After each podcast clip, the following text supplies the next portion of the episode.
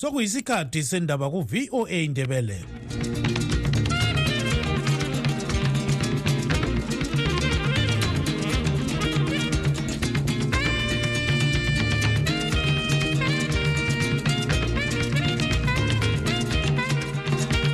lami ngithathe leli thuba ngibonge uthanono kawande obesipha indaba ngolimi lwesishona. Lingalivuka njani izulu kandaba olamukela emsakazweni westudio 7 ngolwesine mhla ziku-21 mphalakazi 2023 nguchris gandhi endabeni zethu lamhlanje amapholisa etheswa icala lokuvimba abalembono ehlukeneyo likahulumende ukubuthana ukubalisa abakade befuna ukuhlangana betshengisa usekelo lukamnumzana job sikhala ngesonto. Abantu ezimbabwe ayisibo bebandla elilodwa abantu ezimbabwe ayisibo be-political party eyodwa. Abantu ezimbabwe bakhululekile ukuthi bazimele bekhulume ngobandlululo bakhulume ngokuncindezelwa.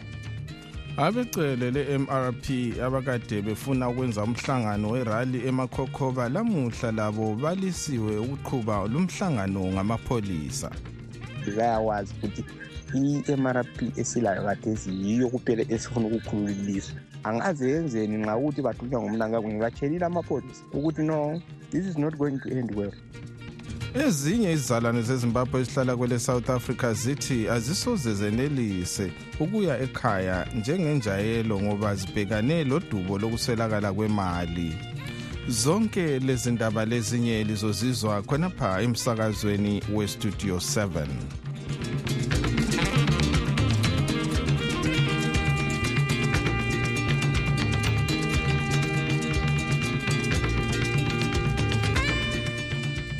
amapholisa asetheswe icala lokuvimba abalembono ehlukeneyo lekahulumende ukubuthana ukubalisa abakade befuna ukuhlangana betshengisela usekelo lukamnumzana job sikhala ngesonto etshidungwiza inhlanganiso okuthiwa yi-job sikhala solidarity council ibicele imvumo emapholiseni ukuthi iqhube umhlangano enkundleni yehuru yadzo etshidungwiza kodwa amapholisa athi awasoze abaphe imvumo ngoba indlela efakwe isicelo sabo ingayisiyo efunwa ngumthetho.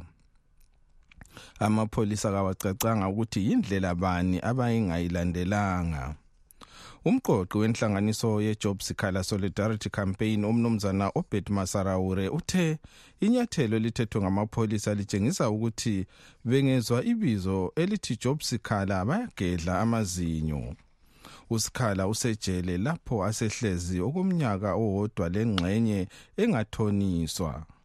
Sixoxe lesikhulumeli senhlanganiso yababalisi e-progressive teachers union of zimbabwe ebingeyinye zenhlanganiso ebezikhangelelwe ukupha usekelo umnumzana themba kuye moyo okwakuqala hlehle thina akade sikuyenza bekungaso kutshengisela ukuthi abantu bebebhikitsha bekuyindlela yokuthi abantu bayekhala kuhlanganwe kuxoxwa besiyakhuluma ngendlela ujob scott aphathwe ngayo langendlela okuphathwa ngayo bonke abantu abakhangelelwe ukuthi ngama-political opposition members. Okunye sikukhangelayo okukhulu kakhulu sizama ukubona ukuthi kati ezimbabwe idemocracy okukhulunywa ngayo iyavumela i-multi-party association i-multi-party association of ordinary members.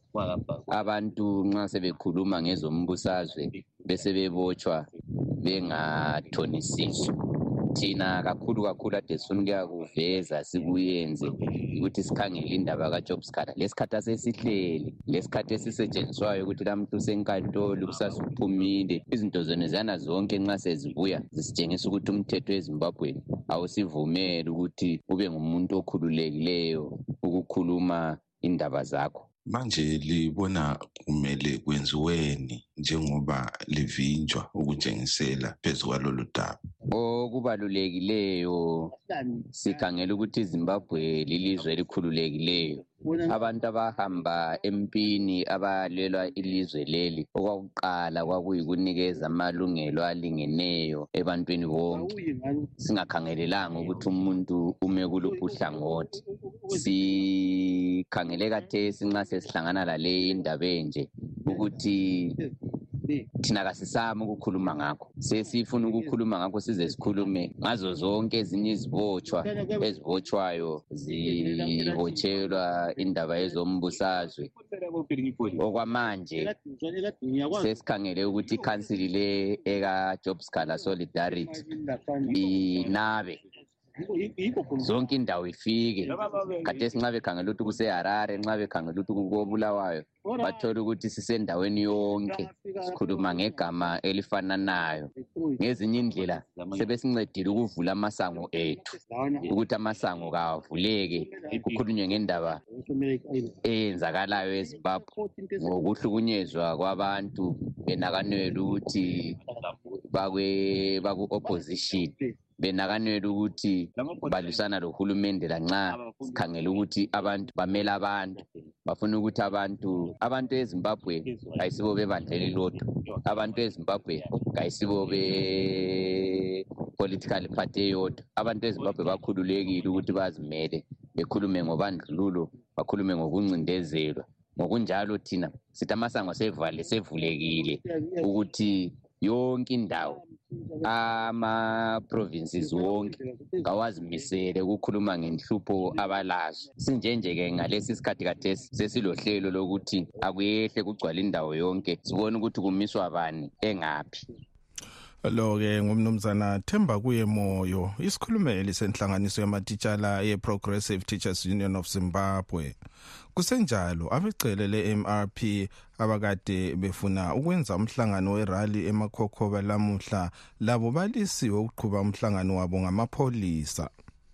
Amapholisa athi awasoze abaphe imvumo ngoba kulembiko ethi abebandla le-ccc baqoqa ukutshengisela elizweni jikelele. Ngalokho amapholisa awasoze enelise ukulondoloza ukuthula elizweni.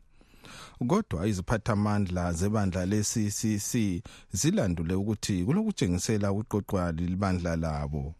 Sixoxe lomunye wabagcinisihlalo becele lebandla le-mrp umnumzana mudenda chilumbo i-triplec is fighting for democracy and we are fighting for independence. We are fighting for the external sovereignty that we were deprived of in 1893 kungena amakhiwa besebenzisa isibhamu thina we are saying that independence must be restored. But namuhla siyamangala amapholisa esinika isizathu isizathu esenye i-political party engekho ku-ideology yethu. Ngisabe sesithi thina no mapholisa lina you are only there to enforce law not to interpret law the moment you conflate ama-activities awe-triple c lawe-mrp you are against i-democracy and constitutionalism. Thina alubana besifuna ukuthi sikwenze ngenkhani besiza kwenza beyakwazi ukuthi bangayenzi ubumbulu singena estadium bangayenzi into ezingayisizo singena estadium bayakwazi ukuthi umkombandlela rafi nguwo okhona to map i-way forward yokukhulula ilizwe lezimbabwe engela-international lobbying but eyokuthi i-international society ibone ukuthi abantu bemathebeleni bafuna ukukhululeka. So bayivimbile beyivimbe kanjalo ukuthi we have gone through the legal processes. Sithe thina-ke sibhaleleni i-cancellation lokuze yiyo esidonsele isikhathi sonke ngoba kade bengafuni ukuthi bebhale i-cancellation of the initial uh, authorizing letter. The authorizing letter eyokuqala yasivumela. Bese sabela ukuthi sizathatha amanyethelo aphesuwa i-justice. So basibhalele ngoba kade sesijingelana ngendaba yomthetho. So we went there with the co-chairperson ubaba umfula lo-convener wethu ubaba uthomson love bagcine sebeyibhalile incwadi ye-cancellation. Then we took the letter to the lawyer.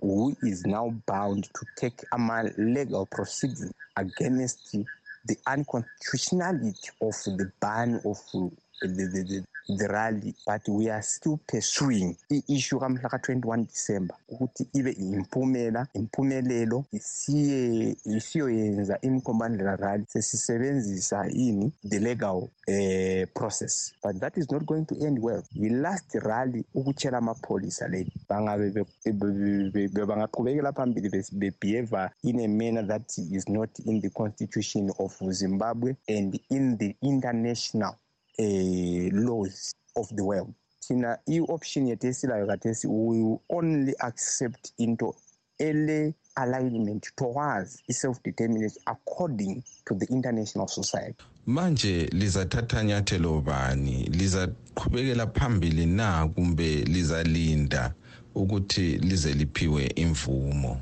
Thina irally yethu as long ama-lawyers ethu angasithi go ahead we are going ahead. And bangabona ngani siyabesaba ukubalanda besisenzela idemocracy sisenzela khonokuyana kokuthi silabantu abakithi abasejele for i-mrp nine. Labantu abababalileyo abafuna ukubabamba lokuthi bebhidlize i-impact esikhona ku-mrp nge-self determination and bayawazi ukuthi i-mrp esilayo kathesi yiyo kuphela esifuna ukukhulula ilizwe angaze yenzeni nxa ukuthi bathunywa ngumnankakunye batshelile amapholisa ukuthi no this is not going to end well. Lina mapholisa lihola imali yama-taxpayers yama-red payers alifuzanga lilalele inye indoda evuka itshontshe igolide ihambe siyayenza ama-deals awo. Umgaba utshiye abantu abakhe bengama-fifteen and more farms likhona lini lo-ke ngumnumzana mudenda chilumbo ongomunye wabagcina isihlalo becele lebandla le-mrp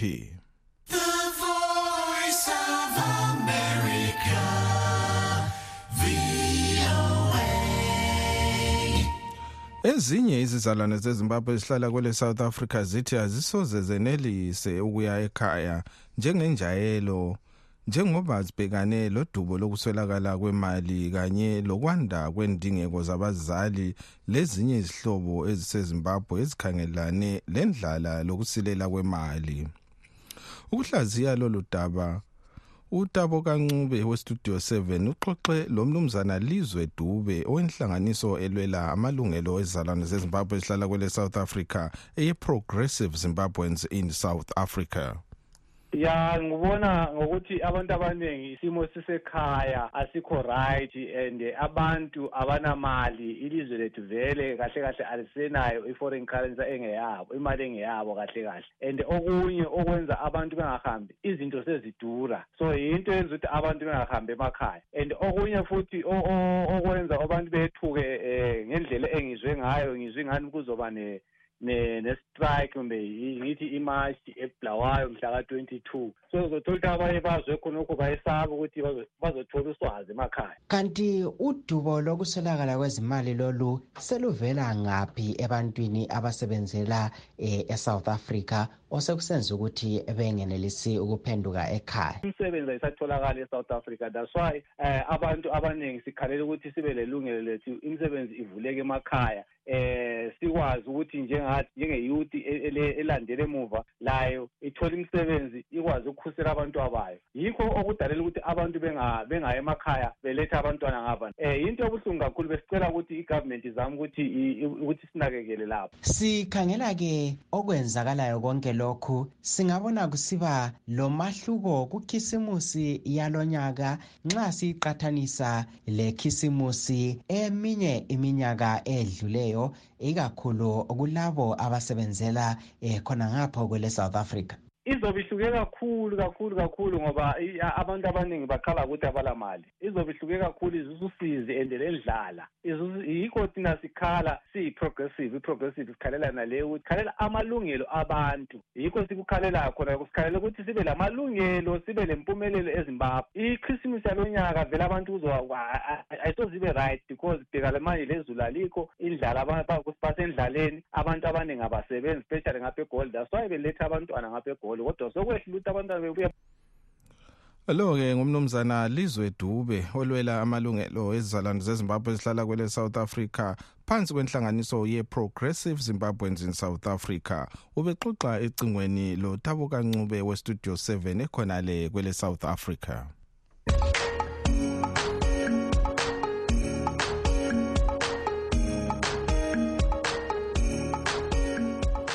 Okwamanje sengidedela emuva ngilichiya ezandleni zenu lina balaleli bethu kumbiko elisithumele nge-whatsapp.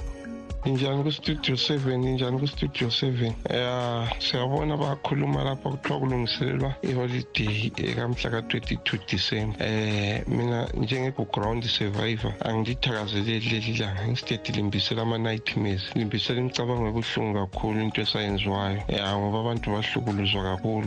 Ngithi mina lilanga lokuthi sifundise abantwa bethu ukuthi saphathwa njani kuleli lizwe. Ya abantu bebulawa umama bedlengula imizi itshiswa abantu bakithi bexutshwa bebaleka besiya egoli ukuze bonabo abavele empumalanga bebuye bezothatha indawo zabo ngapha kwelemandebeleni ngavele kimi lilanga elibi kakhulu ukuthi kuvela solanga endilikhumbula kuhle. Ngiyacaphuka kakhulu uma kukhulunywa ngalokhu ngithelele ulaka kodwa ngiswele ukuthi ngizayenzani studio seven studio seven njani? Eyi ngithanda ukukhuluma baba lo anglican sibande hhayi ubaba uyakwazi ukumkhulumela umthuli ncube uyakwazi ukuyikhulumela izanu p f. Kodwa iyakwazi ukuthi izanu p f iyehluleka nayo umthuli ncube iyehluleka kodwa eyi hhayi bakhulumela kamnandi. Uyakwazi ukukhulumela into emdlisayo into adla kuyo. Hawu uyakwazi ukuyikhulumela hawu yakhanya ukuthi naye ngomunye odlayo sibili nothi kancane. Umthuli ncube nxa ibona ukuthi i-economy yezimbabwe kayenzi wayengayekeli. Kayekele phela umsebenzi wangikhona. Izanu p f ukuthi asitshele ngabo-esap asitshele ngabani ngokuhamba ngokuhamba ngokuthatha amaplazi. Thina kusincedi ngalutho. Anti izanu p f yathi izokhona ukulungisa i-economy phezu kwakhonokho so if isehluleka ukulungisa i-economy kayekele yikho ukwehluleka kwangikhona phela. Yikho ukwehluleka kwangikhona kumelanga isinikeze ama-excuse. Kumele iphume sibona abanye abazolungisa ilizwe yona kumele iphume izanu p f. Hayi babusibanda angazi ukuthi ngumfundisi onjani osaphotha izanu p f. Because izanu p f isaphotha ngabantu abangcolileyo ngabantu abanegazi kuphela ezandleni. So wena angazi ukuthi ngumfundisi onjani baba. Eyi ngizwa ubuhlungu kanjani? Studio seven linjani okhulumayo ngumtshutiyo kamthembo kobulawayo lapha. Indaba kasayingezo leyi ingani isisihluphile kakhulu emoyeni yethu bengifisa ukuba aluba um upresident we-ccc um le-executive yakhe yonke. Bayahlangana bahlale phansi bayenze i-structure esizayenza ukuthi usengezo engabi khona ahle ahle abone ukuthi yena vele ayisilo lunga lephathi leyi. Yindlela yokuthi umuntu lo sihlukane laye engasihlukumezi kangasesihlukumeze kakhulu kakhulu kakhulu kakhulu. Ngendlela enjalo kumele ukuthi kuhlalwe phansi kuhlalwe kwenziwe ama-structures akhanyayo ukuthi ubani ngubani ubani ngubani ubani lesikhundla lesi okhulumayo ngubani olamandla lawa ngubani okwenza lokhu ngubani ngoba nxa kunje singazanto sisemahlangeni lokhu singane sidlala ibhola elingelamoya hhayi bakithi asizameni ukuthi sizinakakele senzeni into ezasiphumelelisa ikusasa yethu yabantu bethu labazukulu bethu. Ngiyabonga. Studio seven ndivuka njani ndivuka njani basakazi labalaleli hayi siyavuka. Um hayi sibonge izindaba. Yayibona indaba yasezimbabwe indaba yabo-c c c indaba yabo-chabang um uchamisa omnangagwa um zimbabwe nje ezeholo i-nonsense um into engekhoyo ke leyana um singabantu bezimbabwe ngendlela nje sokumele esesihlupheke ngakhona. Into sokumele siyenze nje. Sokumele sike sibheke sikhangele. Khuluma lani bantu basemashonaland. Kakhulu lini ngoba lina yini elifuna lizibhizi lizibhekele esayidini lifuna ukuvotela abantu benu abangamashona. Kodwa ukuthi basihlizele ezibini labantu kungani lingake lithi lani liyabona ukuthi ikhona kuyukuthi i-m r p aliyithandi ngoba lithi lina ayilifuni yalibandlulula votelani izapho votelani sikhipheni izanu p f um sikhipheni izanu p f izinto zibe right studio seven studio seven salibonani okungelayo mhlanhla lakhi wesiganda endaweni yakho mgogona embiliswayo mina into endithanda ukuyazi ukuthi kade uchamisa yena wahlutshwa nguchabango ukuthi akhiphe uchabango kusho ukuthi uchamisa naye kulesitsotsi thizeni esenzayo so angazama ukuvelela abantu egcekeni amatshono studio seven ya like libe liyakubona-ke studio seven lalaba kade lokhu esithi uchabango uright nango uchabango ephalandaba chabalala izanu isifake yona le uchuma yena lo. Obesebenza lo sengezo udiliza. I-ccc ukuthi yena angene. Izanu isifake into abe yi-candidate uchuma kuma-bi-elections sokumgcekeke ukuthi uchuma obesebenza lo chabango yinto one. So into kumele siyenze bantu bephelandaba chabalala yikuthi let's make sure ukuthi uchuma engawini. Kungangcono bengakhipha u-ostalos i-candidate ukuthi engabi yi-candidate. Sivoteleni lo okachaba ngomthengisi lowo uchuma vele engangeni ngoba lapha singake sifake izanu ngebackdoor uchaba ngikwade kufunda kodwa asikhawuliseni singaspoyili ama-papers. But let's make sure ukuthi lo uchuma lo okhotha izanu day and night vele anganyatheli. Ubevele edinga khona ukuthi basebenze lo chaba ngokuthi sokuyaxotshwa lo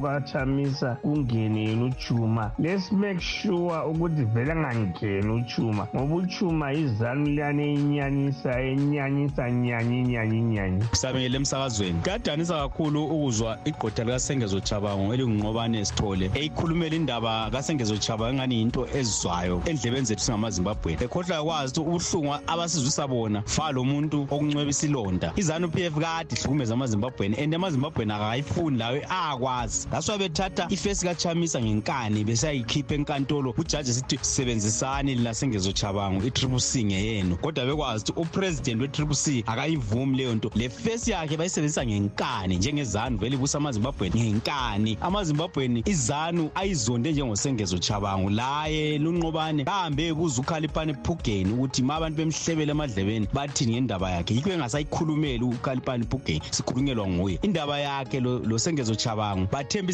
izinkantolo zezanu ngoba bathunywe izanu kodwa amazimbabweni wona ayakwazi lapho ami khona. Abayifuni ngitsho lakancane lento kasengezochabango yokurikhola abantu esabafakayo thina berikholwa ikhoti ngoba ikhoti izanu. Esasibadlile izekhi ehlulekile ukusiriga. Namhla baphinda futhi bathi basilokuza ngenkani bafaka ama-double candidate wabo lezanu ukuthi besebenze ephalamende. Abaqhubeke sobona khona siyabona studio seven studio seven linjani? Basakazi bamabahle abasabazi abakhuluma indaba eziqondileyo mina umbuzo wami bokuyilowo ukuthi bengicela ukubuza ukuthi kathi yena um uchabangu le-ccc kungathi into yakhona ayibonakali kahle ukuthi i-ccc ngekachabangu kumbe ngekachamisa. Inkinga yakhona lokuthi khona uchamisa wasuka waba yi-one ayikho vele iphathi engenabasekeli bakhona like abakhulu bakhona like o-vice president o-secretary o-treasurer. Yena inkinga yakhe uchamisa ubambe wonke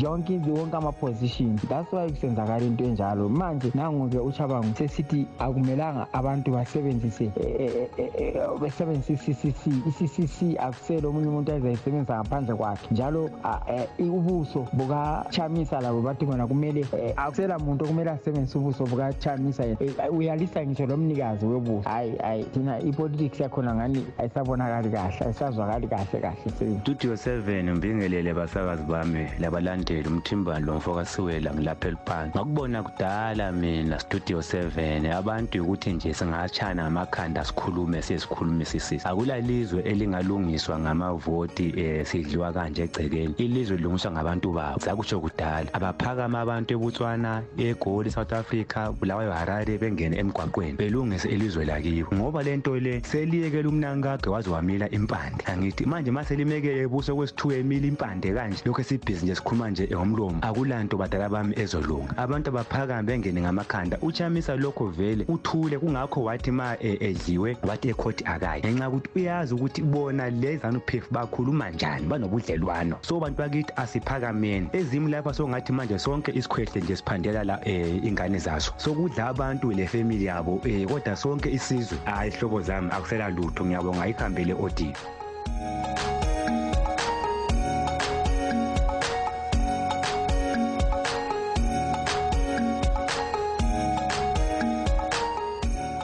ke bekungamazwi enu lina balaleli bethu elisithumele nge-whatsapp kunombolo zethu ezithi plus 1 202 465 0318 ngesikhathi senguquko kungacaci kahle okwenzakala emhlabeni. Esikuzwayo kungayisikho esikubonayo. Sidinga iqiniso. Sitshelwa izindaba ezingaphelelanga. Silahlekelwe liqiniso. Ngesikhathi sohlupho amaphupho ethu ithemba lezifiso zekusasa enhle kwenzakala uma abezindaba bekhululekile. Kumsakazo we-voice of america silethulela izindaba ezitholwa ngokuzinikela okuphezulu. Sichumanisa abantu ngokubethulela iqiniso. Kumsakazo we-voice of america. Silethulela okwenzakalayo njengoba kunjalo.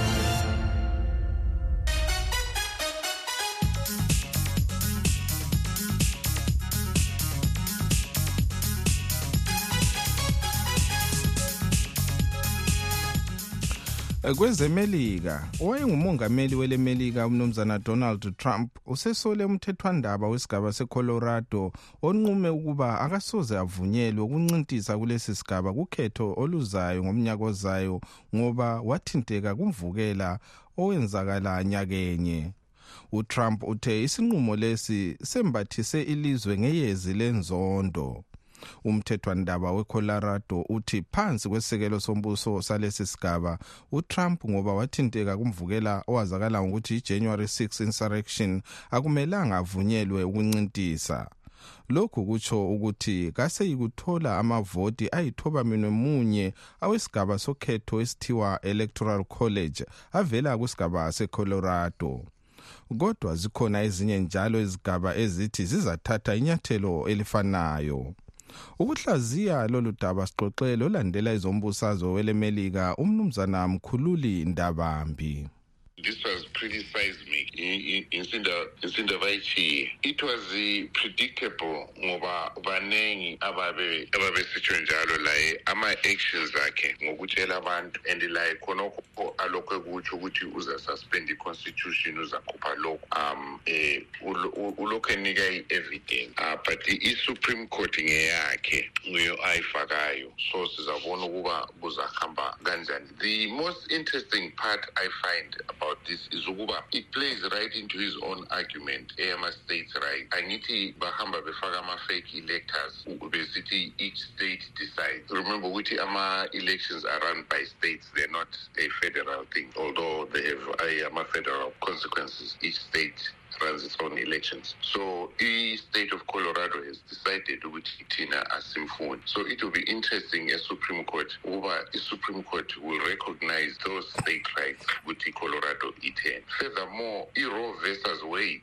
lena e-abortion was set aside because of ama-state rights. They set it back ukuthi ama-states must determine their own course and ama-states amaningi atsho ukuthi no, you know, has decided uh, one way or the other. So it will be interesting uh, whether ama-judge lawa will totally uh, swing ukuthi betshengise i-partisan uh, i-favor to utrump. Ye manje nxa sikhangele amanye ama-states alakho yini ukuthatha inyathelo elifanayo ama-states anjengabo-georgia?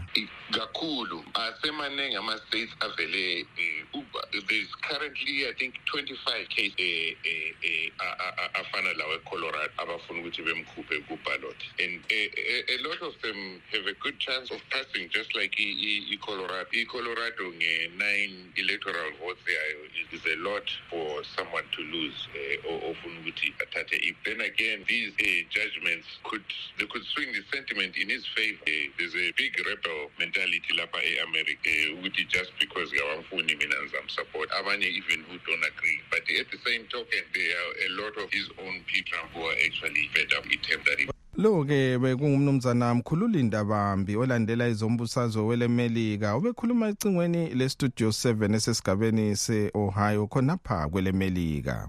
Isikhathi kasisavumi ukuba siqhubeke sisonke kodwa-ke singakehlukani ke sikhangele ezinye zenhloko zendaba ebezikhokhela. Amapholisa etheswa icala lokuvimba abalembono ehlukeneyo likahulumende ngokubuthana ukubalisa abakade befuna ukuhlangana betshengisa usekelo lukamnumzana job sikhala ngesonto. Abecele le-mrp abakade befuna ukwenza umhlangano werali emakhokhoba obusenziwa lamhlanje labo balisiwe ukuqhuba lumhlangano ngamapholisa. Amapholisa aphe isizathu sokubana bengahlangani ngoba abebandla le-ccc bakhangelelwe ukutshengisela ilizwe lonke jikelele. Ngalokho amapholisa athi wona akusoze kube lula ukuthi bavimbe kumbe ukulondoloza ukuthula. Kodwa ke bona abebandla le-CCC batshele i-Studio 7 ukuthi lokhu akusilo qiniso ngoba bengaqoqi ukutshengisela lokhu okukhulunywa ngamapholisa. Silugqiba ke lapha uhlelo lwethu lwalamhlanje abangenelisanga ukuzwa indaba zethu lilakho ukuzilalela ebulenjini ku www voaindebele.com olivalelisayo ngisithi asidibaneni njalo kusasa sikhathi sinye. Igama lami nguchris gande lingakhohlwa ukuthi silazo ezinye indaba ntambama ngo half past 7